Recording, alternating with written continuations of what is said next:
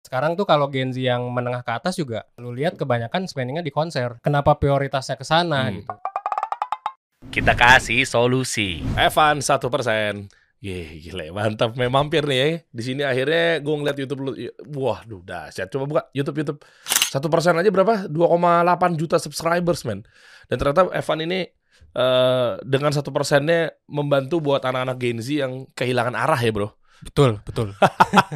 Ya kan, mental health is isunya apa lagi? Mental health, Eh. relationship, toxic, pokoknya healing dan lain sebagainya itu kita urusin semua sih. Eh Gen Z dikit-dikit lo healing toxic toxic toxic ditegor dikit toxic nih kantor ini nih ditegor dikit bos gua toxic nih semuanya diribetin sama dia ya kan nah sampai akhirnya eh, giliran di cut dia cabut healing duitnya habis ngemis-ngemis minta kerjaan lagi sama anak milenial nanti kita bahas ya dan ternyata eh, nggak cuma di YouTube yang lo bahas lihat deh semua tentang mindset oh iya ini juga nih bunuh diri alkohol ya elah Astagfirullah. Banyak-banyak. mereka tuh Judi juga cukup ramai kemarin. Judi, pornografi. rame. judi judi maksudnya mereka pada main judi Iya. Judi, Gara-gara- judi online. Sekarang viral banget di Gen Z Gen Z. kenapa kenapa begitu banget sih dia hidupnya Gue juga bingung sebenarnya mas. Tapi lalu ya, kan Gen Z juga lu tahu dong ya tapi gue Gen Z tua. Gen Dan gue juga baru tahu ketika gue riset.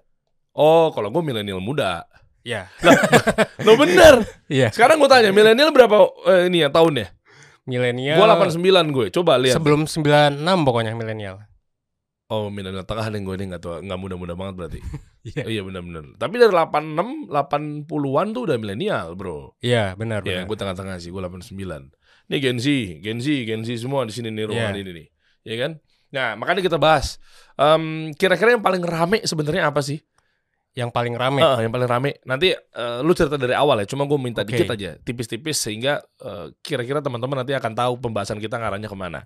Coba yang paling rame sekarang apa? Oke, yang paling rame dari dulu sampai Ah. sekarang sebenarnya adalah tujuan ngomongin tujuan hidup. Oke. Ngomongin tujuan hidup, overthinking, quarter life crisis udah pernah dengar belum? Tahu. Bahasa-bahasa itu. Tahu. Work life balance lah. Ya, work life balance itu dari dulu sampai sekarang eh, rame dan kalau dilihat juga kita sempat bahas yang rame akhir-akhir ini juga flexing. Itu rame juga. Oh, flexing tuh anak-anak Gen Z flexing. Flexing, terus juga Oh iya, Indra Ken Gen Z kan? iya, betul. Oke, terus? Eh, dan basically semua yang pakai kata-kata toxic sih. Toxic workplace, toxic relationship, toxic family, toxic parents, toxic friendship. Ribet lu Gen Z ribet. Hidup lu ribet, asli ribet banget. Nggak mau ya udah ya kita, kita kita mulai kita mulai. Dan cocok banget ya, lu kan juga lulusan psikologi S1 UI ya. Ya, betul. Yang dulunya sempet demo karena lu aktivis ketua BEM gitu ya. Gua ketua BEM dulu. ha. Oh, demo. Sekarang masih demo. Eh, i- kadang ikut, tapi ya gue cuma lihat-lihat doang. Ngapain sih bro, bro? Kerja, cari duit, nggak ada gunanya. Demo-demo ngapain? Udah lah. Nanti ujung-ujungnya kan dia juga kan yang jadi presiden biasanya kalau yang demo. Biasa gitu, ya kan teriak-teriak, ya jelagin pemerintah, ujung-ujungnya dia nyalonin. Oke lah, kita mulai, bro. eh gimana kepikiran lo masuk psikologi gitu ya? Hmm. Sementara orang pasti rebutannya mungkin Vkom, Iya. FISIP, ekonomi. Dan cowok itu sebenarnya psikologi satu banding 10, Mas. Ya iyalah, Gua baru tahu juga itu pas masuk sebenarnya. ngapain lo ambil itu? Sebenarnya simpel sih kayak ya udah waktu itu kan ya Gen Z ya, biasanya Gen Z nih. Milenial juga kayaknya. Hmm. Suka bingung. SMA tuh kan bingung mau masuk ke mana ya. Dan gue juga dulu sama bingung. Bingungnya apa sih? Coba gua ukur ya. Kalau gue, gue dulu ya. Iya. Gue bingungnya karena takutnya nggak dapat SMA favorit. Gue nggak bisa bikin pensi. Oh gitu. Milenial gitu. Kalau Eh, gi- nggak bisa nongkrong karena angkatan gue 82 tuh Aca Septriasa Heeh. itu gitu kan waktu itu kan terus ada eh bawah gue setahun ada Ayudia Uca tuh terus gitu gitulah pokoknya Iya. pokoknya yang gitu-gitu pengen gaul gitu lu apa kalau gua di zaman gua itu kan udah ada sosmed. Nah, Heeh, terus sosmed itu kan bikin misalnya nih orang lulus ke UI, ITB atau ke luar negeri. Hmm. Jadinya kan kita jadi jiper duluan. Jiper kenapa Karena ya kita ngelihat oh orang-orang di luar sana sukses, gua gimana. Jadi eh, Mas, dulu itu tahun 2000-an orang-orang yang quarter life jangan 2000 deh, 2010 deh. Orang-orang yang quarter life crisis itu di umur eh, 25. Sekarang lu bisa lihat ini data dari platform gue juga ya. Di satu persen kan kita buka konseling tuh. Kita bisa lihat sekarang orang umur 15, 16 mereka udah ngerasa aduh gue udah tua, gue bingung tujuan hidup gue ngapain. Tobat. Udah. Emang lo tahu lo masuk surga neraka lo, ribet lo. Dia gak usah ngurusin, kan pasti dia ngurusin teman-temannya dia kan. Ih, dia udah sukses nih, dia udah sukses gitu kan. Iya. Ya kan dia ngurusin kan. Kan bagian dari quarter life crisis kan begitu kan. Iya, membanding-bandingkan diri Iya. dengan orang lain. Nah itu maksud gue. Nah udah terus lu kenapa ngurusin begituan? Tinggal berserah sama Allah. Jalla wa'ala. Ya Allah ya Rob. Gitu. Nah, masalahnya semua orang kan main sosmed. Kalau lu main sosmed ya lu aneh. Eh, kalau lu nggak main sosmed, lu aneh sendiri. Dan kalau semua orang main sosmed, lu main sosmed juga. Lu jadi ngebanding-bandingin sama orang. Kalaupun lu nggak follow, misalnya siapa dia mau di Ayunda dan lain sebagainya kalau zaman sekarang, ya lu bakal tetap terpapar karena orang akan nge-share. Orang akan nge-share apa yang viral, apalagi sekarang ada TikTok, semenit scroll, Oh. semenit scroll, semenit scroll. Jadi Oh. paparannya informasinya terlalu banyak Ya, dan ya. gua gua sendiri merasakan sih dulu bingung. Akhirnya ya gua nemu salah satu tulisan waktu itu eh, yang bilang ya udah kalau lu bingung, lu pilih jurusan yang eh, ibaratnya lu bakal mau belajar seumur hidup. Intinya gitu. Hmm, oke. Dan waktu itu gua milihnya eh, setelah gua analisis eh, berapa minggu gitu ya, nggak lama sih kalau gue ya. Untungnya nggak lama. Remaja-remaja lain tuh banyak yang lama. Gue tuh berapa minggu analisis psikologi gitu. Oh, oke. Sesimpel itu aja Oh, sebenarnya. oke.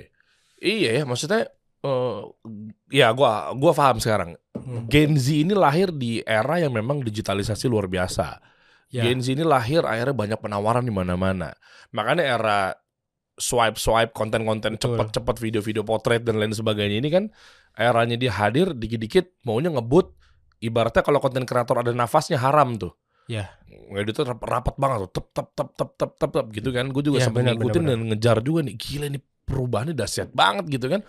Nah, eh, akhirnya dengan fenomenal tersebut mau nggak mau lu tuh gampang banget membanding-bandingkan lu sama orang lain kan. Betul. Oh dia kayak gini karena informasi luar biasa, media tuh di mana-mana gitu. Betul. Dan pilihan makin banyak. Oh, Jangan lupa. oh, iya. Dulu dulu eh, ya orang tua gua paling sampai sekarang juga ayolah PNS dan sebagainya. Orang tua gua dua dua-duanya PNS.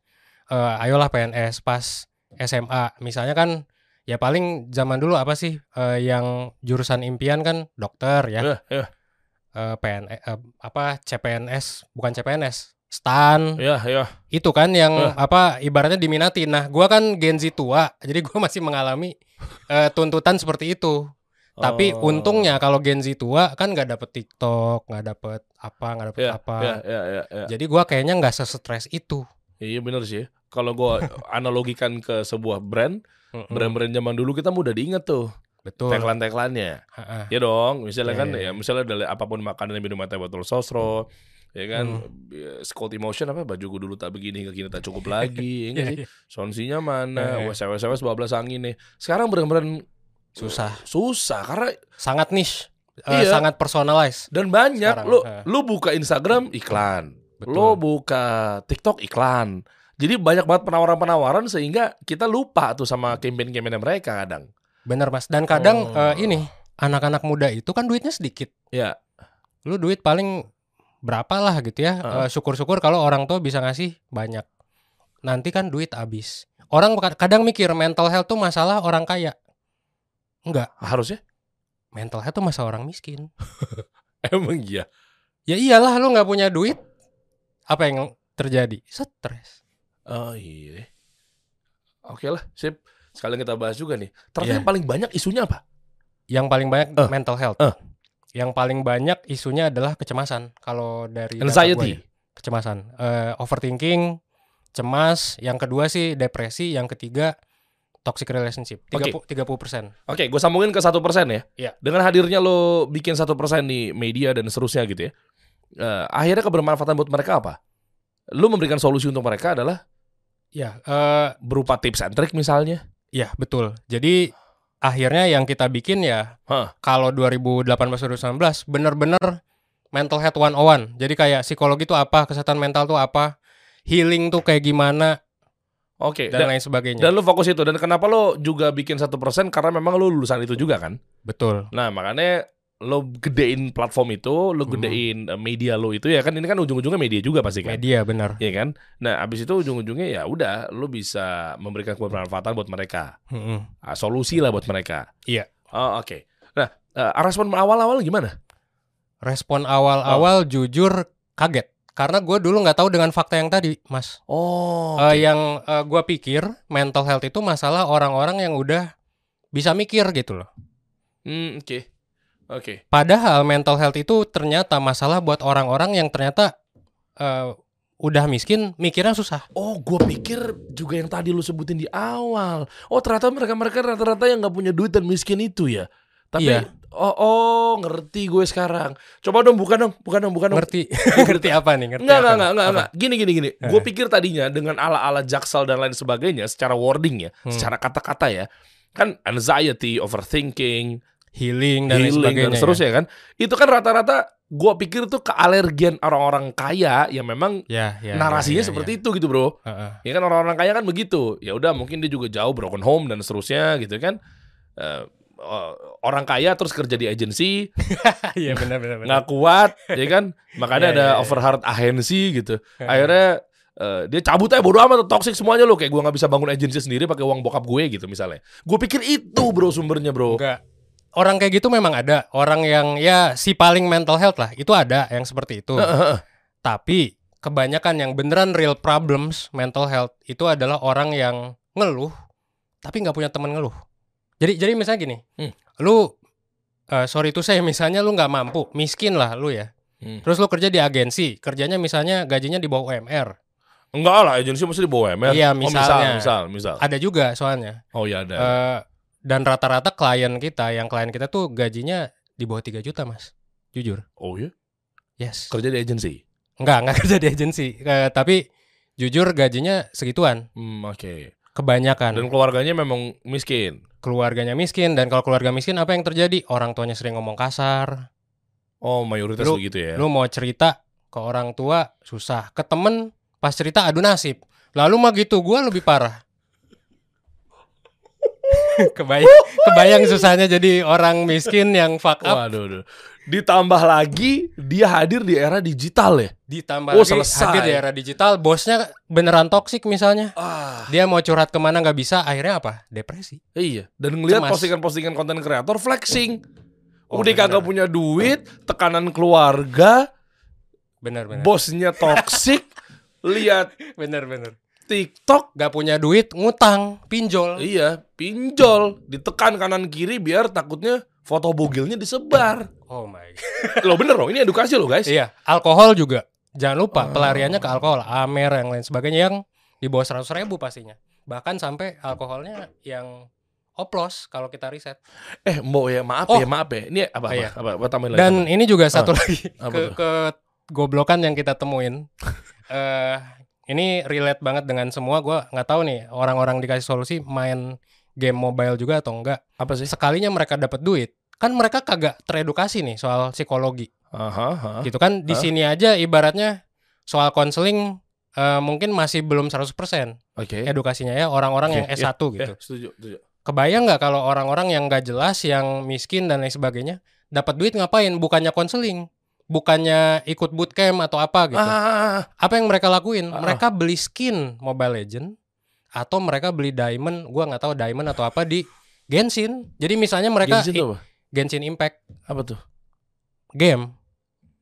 Iya, maksudnya apa? Sejenis apa? Eh, jadi lu main game nih ya, Hah? Eh, misalnya Mobile Legend atau Genshin Impact.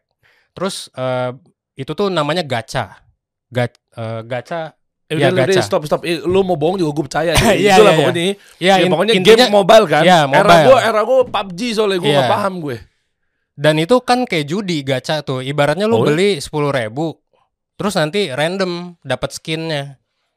Oh, goror. Iya bener, judi. Kayak judi kan, Oh, oh. mirip-mirip gitu. Lu beli Eh, kucing dalam karung, nggak boleh tuh. Dan itu eh, kan kalau judi ya kita tahu bersama dopamin dan lain sebagainya. Jadinya bisa Hmm. bikin ketagihan.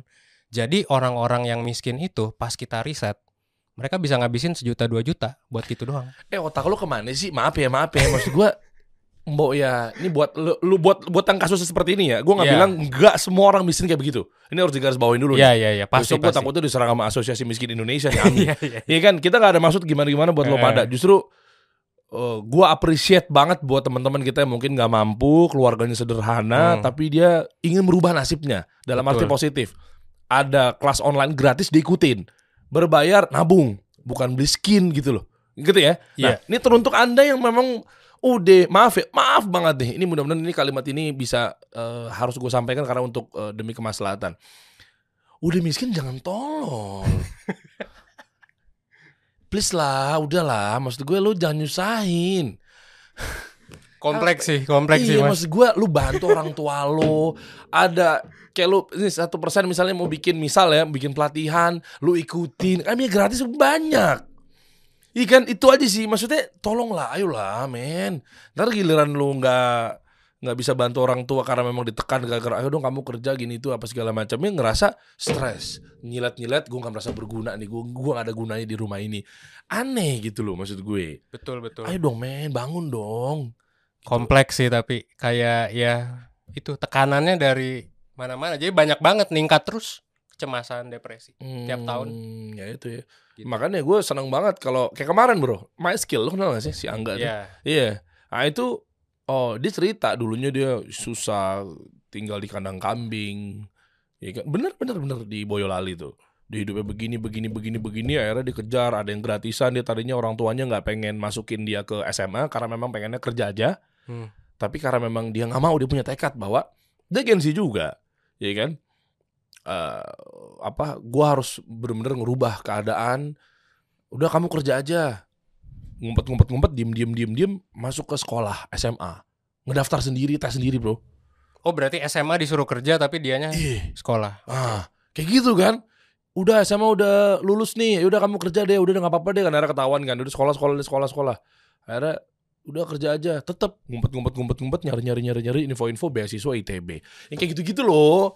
Itu kan maksud gue miskin yang nggak tolol gitu loh. Maksud gue. Oke lanjut lanjut. Sampai akhirnya eh lahirlah satu persen Hmm. dan gimana? Nyampe edukasi ke mereka. Ya kali. Kompleks mas. Pasti kan lu juga banget. diserang kan sama haters. kompleks banget soalnya eh susah sih kan lu ditekan dari segala sisi ya, ibaratnya kalau kan ini kemiskinan struktural nih kayak gitu kemiskinan struktural tuh kayak gini. Eh tapi ada ada kan yang seperti yang tadi nyari berbagai cara. Tapi ada juga yang ya emang batas bawahnya di sana gitu. Maksudnya batas apa ya? Bisa dibilang tekanannya di sana gitu. Emang emang kalau kita bilang manja mungkin ya tiap orang kan lahir kepribadiannya beda-beda gitu. Tapi kan bisa dirubah bro Ya bukan berarti gara-gara Ini kan takdir ya. Terus ngapain? Udah tenang aja deh Udah gue nyusahin orang tua aja deh. Gue mau legend aja gue deh. Nggak usah ngapa-ngapain. Ntar giliran abis mau beli skin Minta orang tua. Terus orang tua suruh kerja Ya kan? Mah kerja dong mah Apaan? Apaan kayak gorengan kayak sama mandi lumpur. Ngerepotin banget sih mah Nah kan anaknya malah begitu. Betul, betul. Dan yang bikin susah adalah itu mereka-mereka juga kagak mungkin kagak termotivasi untuk nyari resource. Hmm. kayak begini gitu. Oke. Apalagi? Coba gue liat di eh, Youtube lu dong bro Coba dong Iya. lihat dong Eh, Lu lagi bahas apa sih Yang lagi rame apa sih Coba populer Coba Yang paling gede itu Oh kan bener kan Lawan rasa males Rasa malas. Dan gua rasa kayaknya mungkin oke lah, gue berangkat dari uh, berasa nggak baik ya.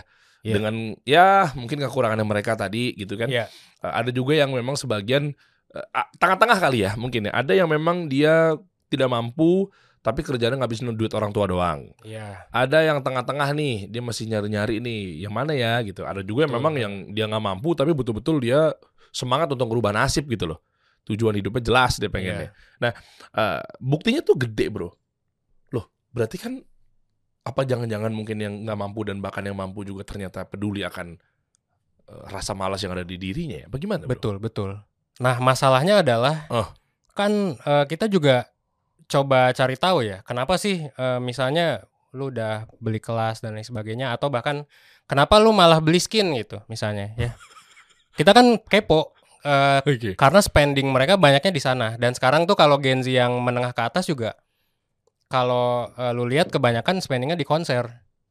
Kan sekarang banyak Kon- oh, konser. ini apa apa, gigs gitu ya? Apa sih? ya gigs kayak gitu dan itu dianggap sebagai sarana healing dan itu nggak masalah sih sebenarnya tapi yang Oh, masalah gimana isinya kemodorotan begitu.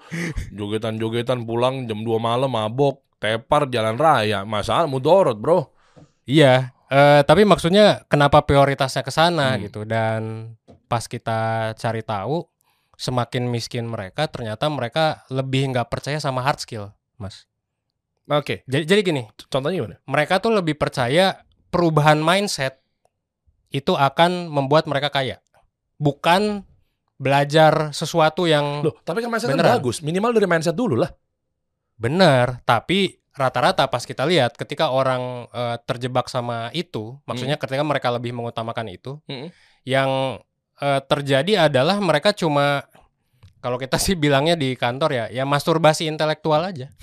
mereka mereka ibaratnya cuma cuma Asik sendiri. asik sendiri terus habis itu actionnya enggak gitu loh. Oh, Makanya iya, kita iya, coba iya, iya. Bikin jadi praktikal banget. Oh, gue ngerti ya, gue ngerti ya. Gue tarik ke spiritualisme bentar ya, bro. Iya. Ketika kita memang betul-betul mengakui bahwa hanya bersandar kepada Allah, Iya. tidak ada ilah-ilah yang lainnya gitu ya. Bahkan lo juga tidak menjadikan diri lo itu adalah berhala baru gitu dalam kehidupan lo sendiri, tapi lo percayain bahwa oke bener-bener Allah Subhanahu Wa Taala yang harus gue taati gitu istilahnya. Habis itu kan ada turutan yang berikutnya ya. Iya. Ada ikhtiar baru Benar. tawakal kan? Iya, iya. Nah, yang celakanya adalah ketika dia cuma hanya tawakal, udah tenang aja deh. Udah rezeki udah diatur, udah tenang aja. Santai aja, ntar juga kalau ada makanan dianterin ke rumah tuh rezeki juga kan. Iya, ibaratnya gini sih. Nggak ngapa-ngapain maksud gue. Iya kayak misalnya ada anak lima misalnya nih, terus ya nggak kerja tapi eh, berharap bahwa akan ada sesuatu gitu. Nah, itu maksud gue. itu, ya kan? Nah, itu kan gitu tawakal tuh. yang salah maksud gue. Gara-gara kan usaha Nah, gitu, ikhtiar bener, bener. itu maksud gue. Nah itu yang nggak dilakuin. Nah, makanya tadi oh ngerti gue kalau memang ternyata adalah mindset yang dimaksud itu. Oke, mindsetnya bener bener bener gitu kan, tapi Iya. lu nggak usaha, nggak gerak juga sama aja bohong ya. Iya dan kadang-kadang juga terjebak pada oh mindset dan lain sebagainya ikut eh, berbagai hal, tapi eh, di situ-situ doang akhirnya. Iya bener Ya kan mereka berpikirnya gini Ngapain gue ikutan kelas Beli workshop? Satu Alah paling jual udah. Ya. Dua ah Ini kan ilmu di Youtube banyak. Tiga Alah ini kan paling copy paste Gue juga tahu di Google banyak. Betul. Eh, Terus gimana tuh kayak gitu Susah makanya. Gua- Kalau gue udah tahu solusinya gue udah lebih kaya dari sekarang. Dan lu juga lagi bersabar ya Lu pun juga lagi ikhtiar ya iya. Iya, iya, Makanya kita di satu persen juga eh, bahkan mungkin bisa coba buka ini Instagramnya SP Kolektif. Ini apa lagi bro? Nah kita kan eh, tadi gua bilang kan Oh. eh, sebelum ngobrol di sini kita ngobrol dikit. Oh. tuh adanya grup. Nah karena market gua tuh gitu ya, udah miskin, buying powernya kan kagak ada, belum lagi mereka memprioritaskan hal-hal lain.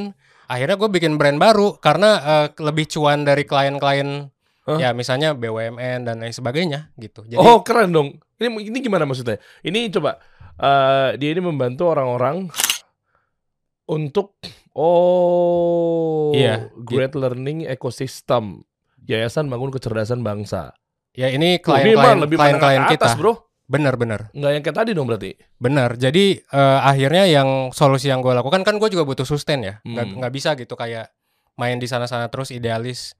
Apalagi kompetitor banyak dengan mainin harga makin murah kan. Hmm. Em, jadinya ya kita perlu nyasar market yang lebih punya buying power. Tapi lagi-lagi idealisme gue jadinya nggak terwujud karena sekompleks itu. Oke bentar bentar Eh Gue menarik nih Tadi lu bilang Terkait dengan eh, Buying power apa segala macam Jadi power. daya belinya tuh sedikit Yang dimaksud ini adalah Lu punya course Jadi platform atau media satu persen ini adalah dimonetize ke Hmm. kelas-kelas seputar konsultasi tentang psikologi dan seterusnya. Iya, heeh. Oh oke. Tapi kenapa daya belinya dikit? Karena orang-orang yang nggak mampu. pertama nggak mampu, kalaupun mau pasti meskipun harganya gue juga tanpa mengurangi rasa hormat nih, tapi seratus ribu kan murah ya, Iyalah. Menurut lu murah nggak? Insya Allah murah. Ya tergantung Insya, ya. ya relatif lah. Oh, tapi oh. seratus ribu ya bisa nabung lah, Oke, gitu. oke. Seratus ribu aja susah untuk nabung buat konsultasi gitu. Bro, gue mau kasih sedikit saran, Ah. tapi gue nggak tahu bisa jadi gue salah. Iya. Mungkin gara-gara kemurahan, gue orang marketing nih ya, gue mau wakil orang marketing. Kalau lu orang psikologi ya. Hmm. Eh, gara-gara kemurahan, jangan-jangan orang nggak trust sama produknya. Makanya kadang ada beberapa klien-klien gue ketika dia konsul terhadap marketing dan seterusnya, gue bilang nggak segini. Gimana cara naikin omset? Naikin harga lo.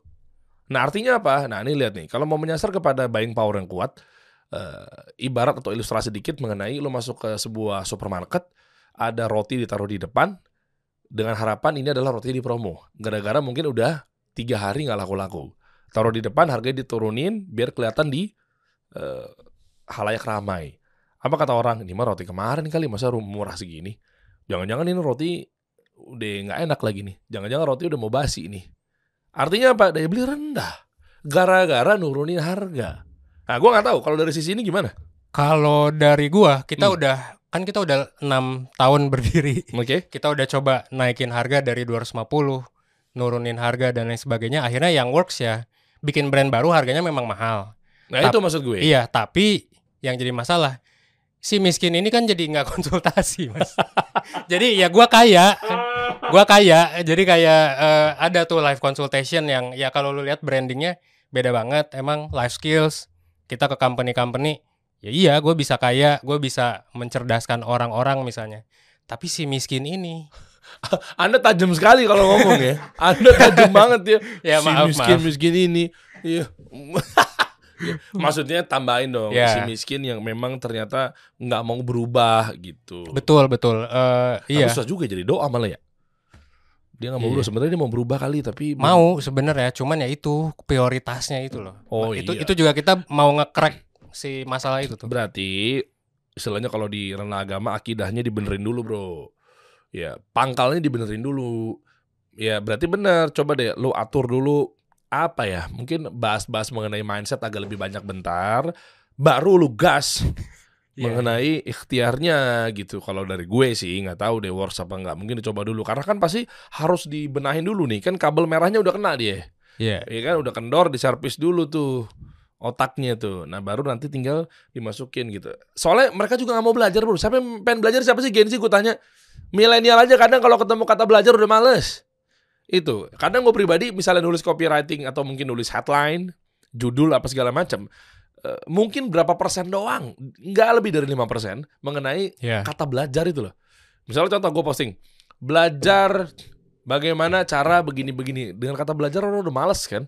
Makanya biasanya gue tips and trick atau rahasia agar begini-begini-begini misalnya.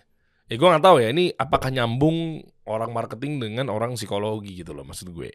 Nah itu sih sebenarnya. Nah pada akhirnya eh, lu buka kelas dong. Iya. Ya lu buka workshop atau mungkin ya edukasi lah konten-konten atau platform atau webinar, live konsultasi apa segala macam. Hmm. Yang paling banyak diminati yang mana? Yang paling banyak diminati sebenarnya adalah konsultasi, mentoring gitu. Mentoring, oke. Ah. Dan apa topiknya yang biasa yang paling ramai? Yang topiknya paling rame tadi overthinking, lagi-lagi tentang tujuan hidup dan lain sebagainya, tentang Hmm. masa depan. Yang kedua adalah gue jadi lupa lagi. Oh, depresi. Yang ketiga adalah si relationship yang toxic toxic tadi, entah di kantor, di rumah, sama Oke. pas- pasangan. Responnya, eh, responnya apa responnya? Eh, Setelah ikut kan, eh, iya dong. Setelah ikut eh, lo punya pelatihan ini. Oke, setelah ikut eh, biasanya kan nanti setelah konsultasi lebih lega, ya kan? Oh, Karena ibaratnya orang-orang itu eh, nggak punya tempat tempat cerita, ya kalau cerita ke teman adu nasib dan lain sebagainya. Nah mereka bisa cerita ke psikolog atau ke mentor yang memang udah kita latih, tambah juga dengan ya kurikulum kita juga, gitu ya, dengan terkait mental health.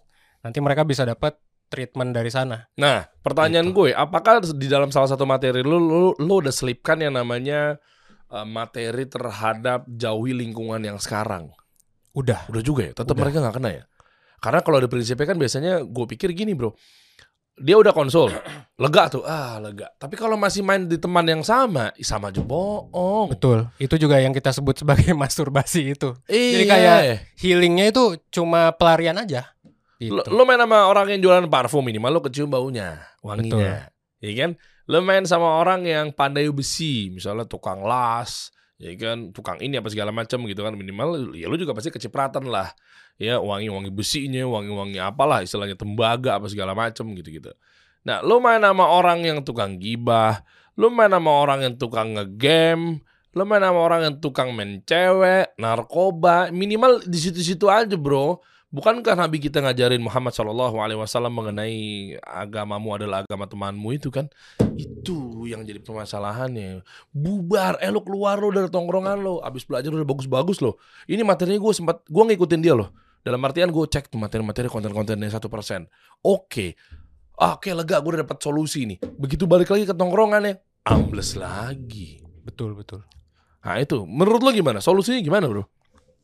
Solusinya Iya iya maksud gue gimana? Seben- sebenarnya apakah gini. komunitas lo gedein? Heeh, karena masalahnya gini, karena mereka juga kadang satu-satunya teman mereka tuh yang toksik itu, satu-satunya ya kalaupun udah suami istri misalnya, terus ibaratnya let's say toksik gitu.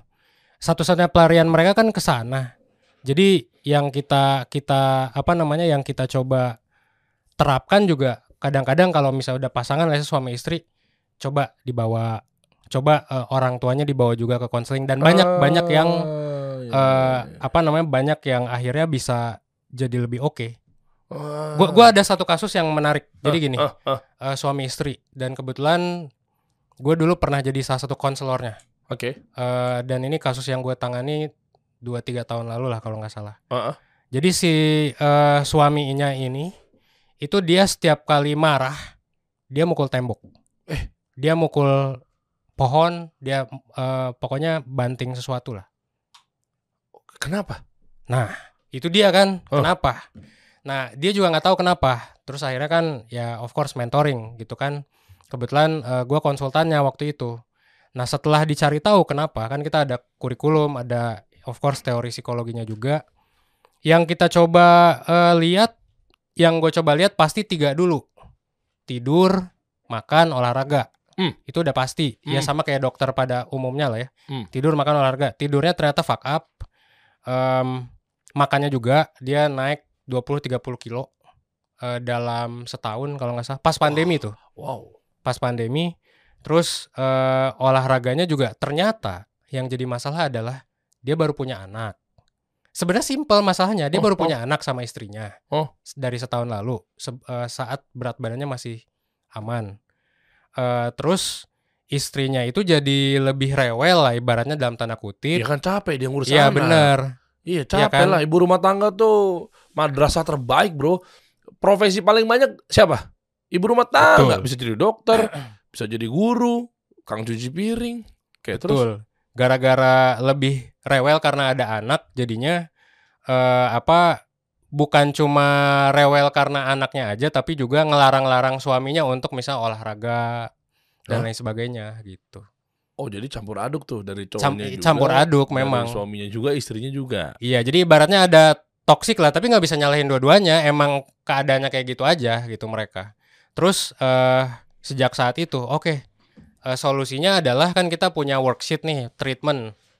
Ini yang harus eh, dilakuin. Pertama olahraga, kan dulu sering olahraga pagi, sekarang dilarang istri. Harus olahraga, coba ya. Terus tidur benerin, ya. Terus baik-baikin istri iya tuh. biar biar eh, lebih mantap lagi dan istrinya coba konseling atau mentoring juga. Gitu. Oke. Sejak saat itu apa yang terjadi eh, akhirnya sembuh tuh semua Alhamdulillah. sembuh semua. Iya bener sih. Ta- Tapi eh, apa? Gak make sense ya maksudnya ini orang punya anger issue sampai berdarah-darah dan lain sebagainya ya. Em, ternyata masalah utamanya adalah itu aja. Istrinya ngelarang suaminya olahraga karena ya memang lebih sibuk. Terus eh, mereka berdua nggak bisa punya waktu yang quality time yang cukup ibaratnya. Oke, dan biasanya kejadian itu dia lakukan setelah diomelin sama istrinya. Eh, iya Oh, awalnya, oke. tapi setelah berapa bulan jadi dikit-dikit kambuh, dikit-dikit kambuh. Belum lagi kepercayaan diri yang hilang gara-gara gemuk. gemuk, berat badannya naik, jadi merasa nggak berharga, depresi dan lain sebagainya. Dan istrinya malah lebih suka dianya gembul, embul-embul cabi gitu. Eh, Nggak tahu gue kata itu. Soalnya kan katanya nggak boleh olahraga. Jadi ini sukanya yang kayak cibi-cibi embul gitu, ya kan? Panggilannya siapa? Endut. Kagak tahu gue lupa. Oh, ya inilah pentingnya Eh, apa ya? eh, yang namanya suami istri kan memang ada bab khusus ya. Itu Iya. itu udah puncakan tertinggi tuh, ngeri karena memang ada anak di situ. Ah, ada suami istri itu sendiri, ada mertua dan seterusnya. Oh benar, mereka itu nggak bisa saling ngobrol.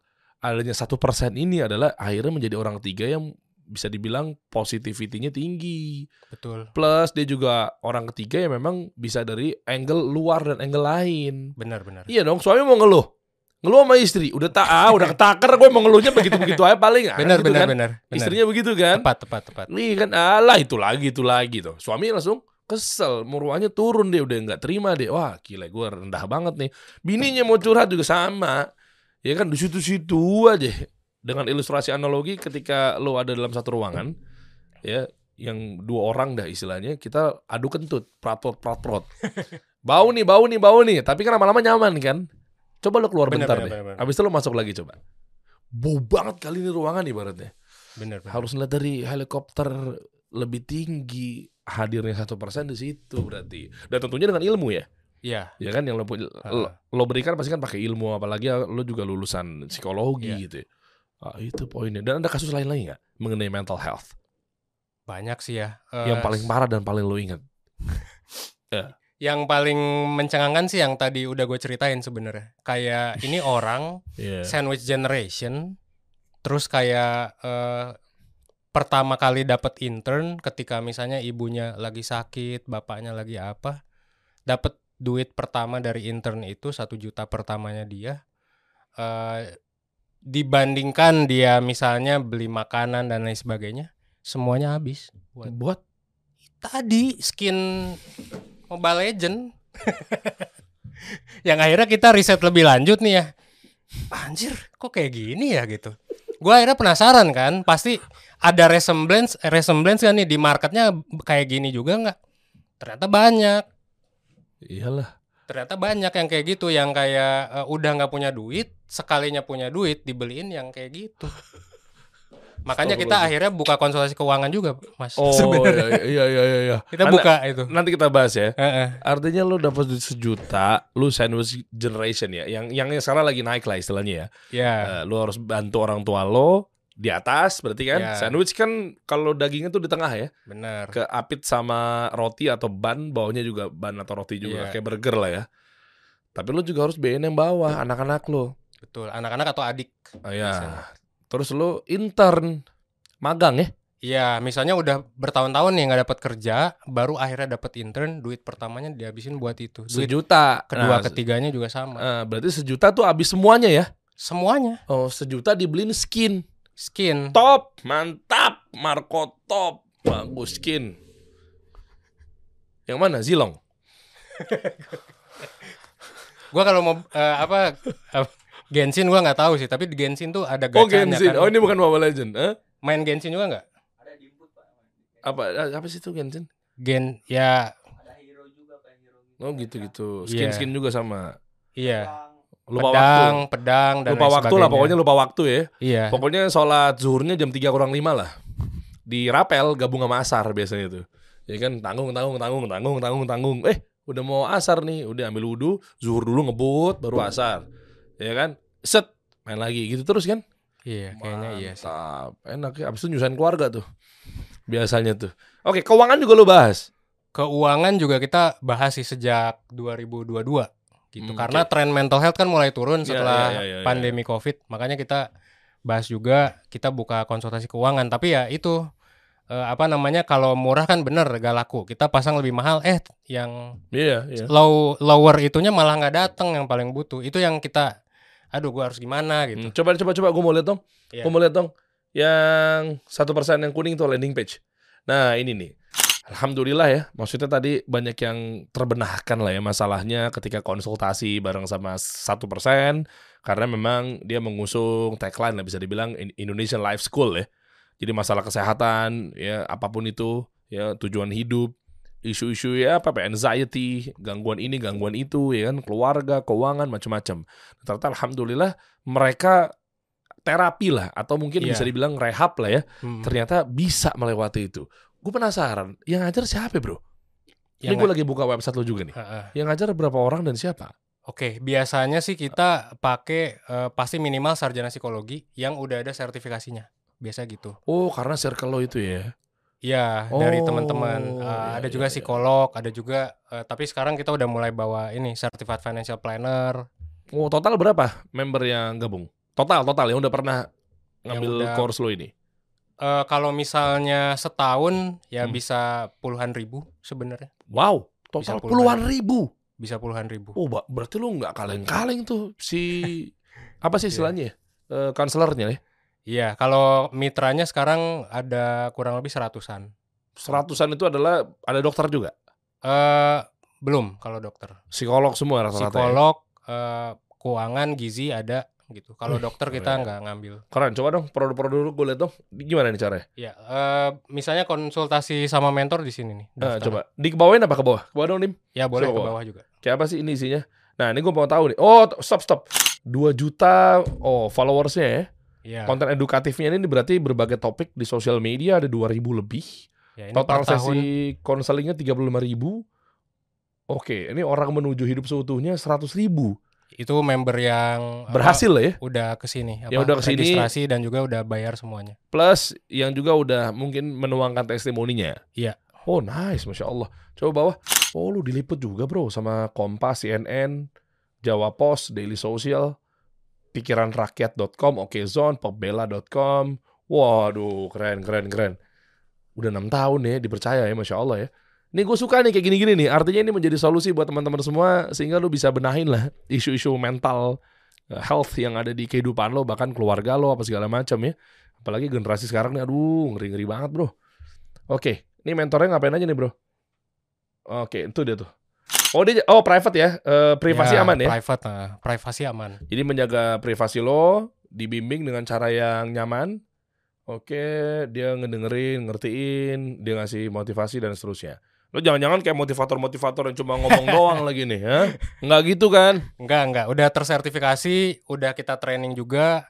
Ada pengawas yang lebih apa tuanya juga yang jadi Hmm. apa pengawas itu semua dan Ya older ya, angle tuh keren tuh. Older angle tuh karena kan dia kan hidup lebih lama menang tua biasanya tuh. Hmm. Jadi dia tahu tuh beberapa beberapa eh, angle yang memang dirasa anak-anak muda nggak kelihatan karena memang hidup dia kan pasti lebih banyak masalahnya kan. Hmm. Udah melewati. iya enggak, dalam iya, artian dia hidup 50 tahun, dia hidup 40 tahun sama anak baru hidup 25 tahun masalahnya lebih banyak yang 40 tahun, Bro. Hmm. Iya kan, kayak gua gini menang-menang tua begitu. Coba bawa lagi, bawa lagi. Bawa lagi, bawa lagi dong. Coba. Oke, ad- oh, webinar ya konsepnya bro ya. Itu yang di atas. Ah ini, oke. Oh ini mentor Atas mentoring. lagi. Atas lagi coba lihat atas lagi. Naikin. Nah, Ah, itu. ini. Itu bisa Ada- diklik tuh. Mentoring, webinar, konseling, tes psikologi, kelas online. Yang paling banyak yang mana? Yang paling banyak mentoring sama webinar gitu. Oh, mentoring itu berarti ya live konsultasi ya. Ya, Boleh dong coba dong, langsung daftar. Oh, kata mereka. Bentar, bentar testimoni. Bentar, gue pengen tahu nih. Soalnya takutnya gue nggak menyarankan kalau ternyata kata-kata mereka ini adalah tidak positif nih bro. Cie. Tapi kalau memang ternyata banyak yang dapat feedback positif, ya. ya atau mungkin ke- kebermanfaatan, gue rekomendasiin nih dari Derry kasih solusi teman-teman. 20 tahun, 21, 42 tahun juga ada nih bro. Ada Saya jadi lebih tahu tentang akar penyebab permasalahan. 50 60 tahun juga ada. Meskipun bukan target market kita awalnya Iya, iya, iya. Overall saya merasa banyak belajar. Oke. Webinar satu persen ini bagus banget karena dampaknya beneran kerasa di aku. Aku jadi lebih tahu prioritas mana yang harus dikerjakan duluan dan mana yang bisa di hold duluan. Wah ini design atau decision decision seperti ini hati-hati loh. Iya kan? Gara-gara dia salah memutuskan, taunya terancam sampai hidupnya sekian tahun ke depan. Betul. Hati-hati di situ tuh. Boleh dong, coba dong daftar. Gue mau tahu sih harganya berapaan sih? Ya itu ya. Mana sih? Caranya gimana? Eh, ini nih daftar. Coba mau lihat gue. Oke. Klik. Oke, konsultasi dengan mentor punya masalah bawa lagi, bawa lagi, bawa lagi, bawa lagi. Paketnya apa aja sih? Oh, oke. Nah, ini jadwal Uh, padat banget. lumayan. Book, book, book. Oke. Eh, kalau memang ternyata audiens gue atau penonton kasih solusi ini pengen ikutan, Iya. lu kasih harga spesial dong atau minimal potongan harga lah. Boleh, boleh. Bener ya? Boleh. Bener ya? Ya, Bismillah boleh. ya, bener ya gitu dong. Lu bantu dong mereka dong, ya nggak?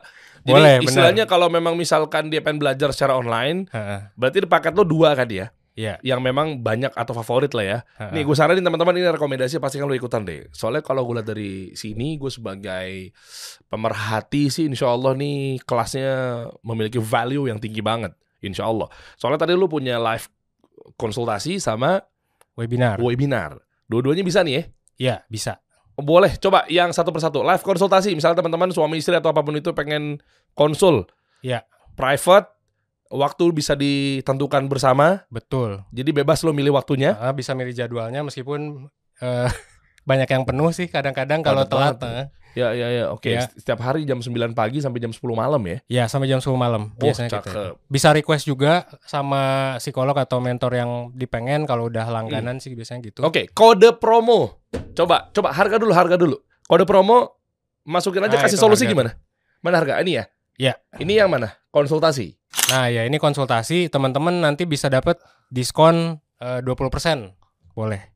Untuk penonton Buat- kasih solusi. Penonton kasih solusi. Dengan masukin kode promo Dengan kasih solusi. masukin kode promo kasih solusi. Nyambung gini ya, kasih solusi. Kasih solusi. Gitu. Nanti udah caps lock semua kok ya. Pas eh, apa daftar Heeh.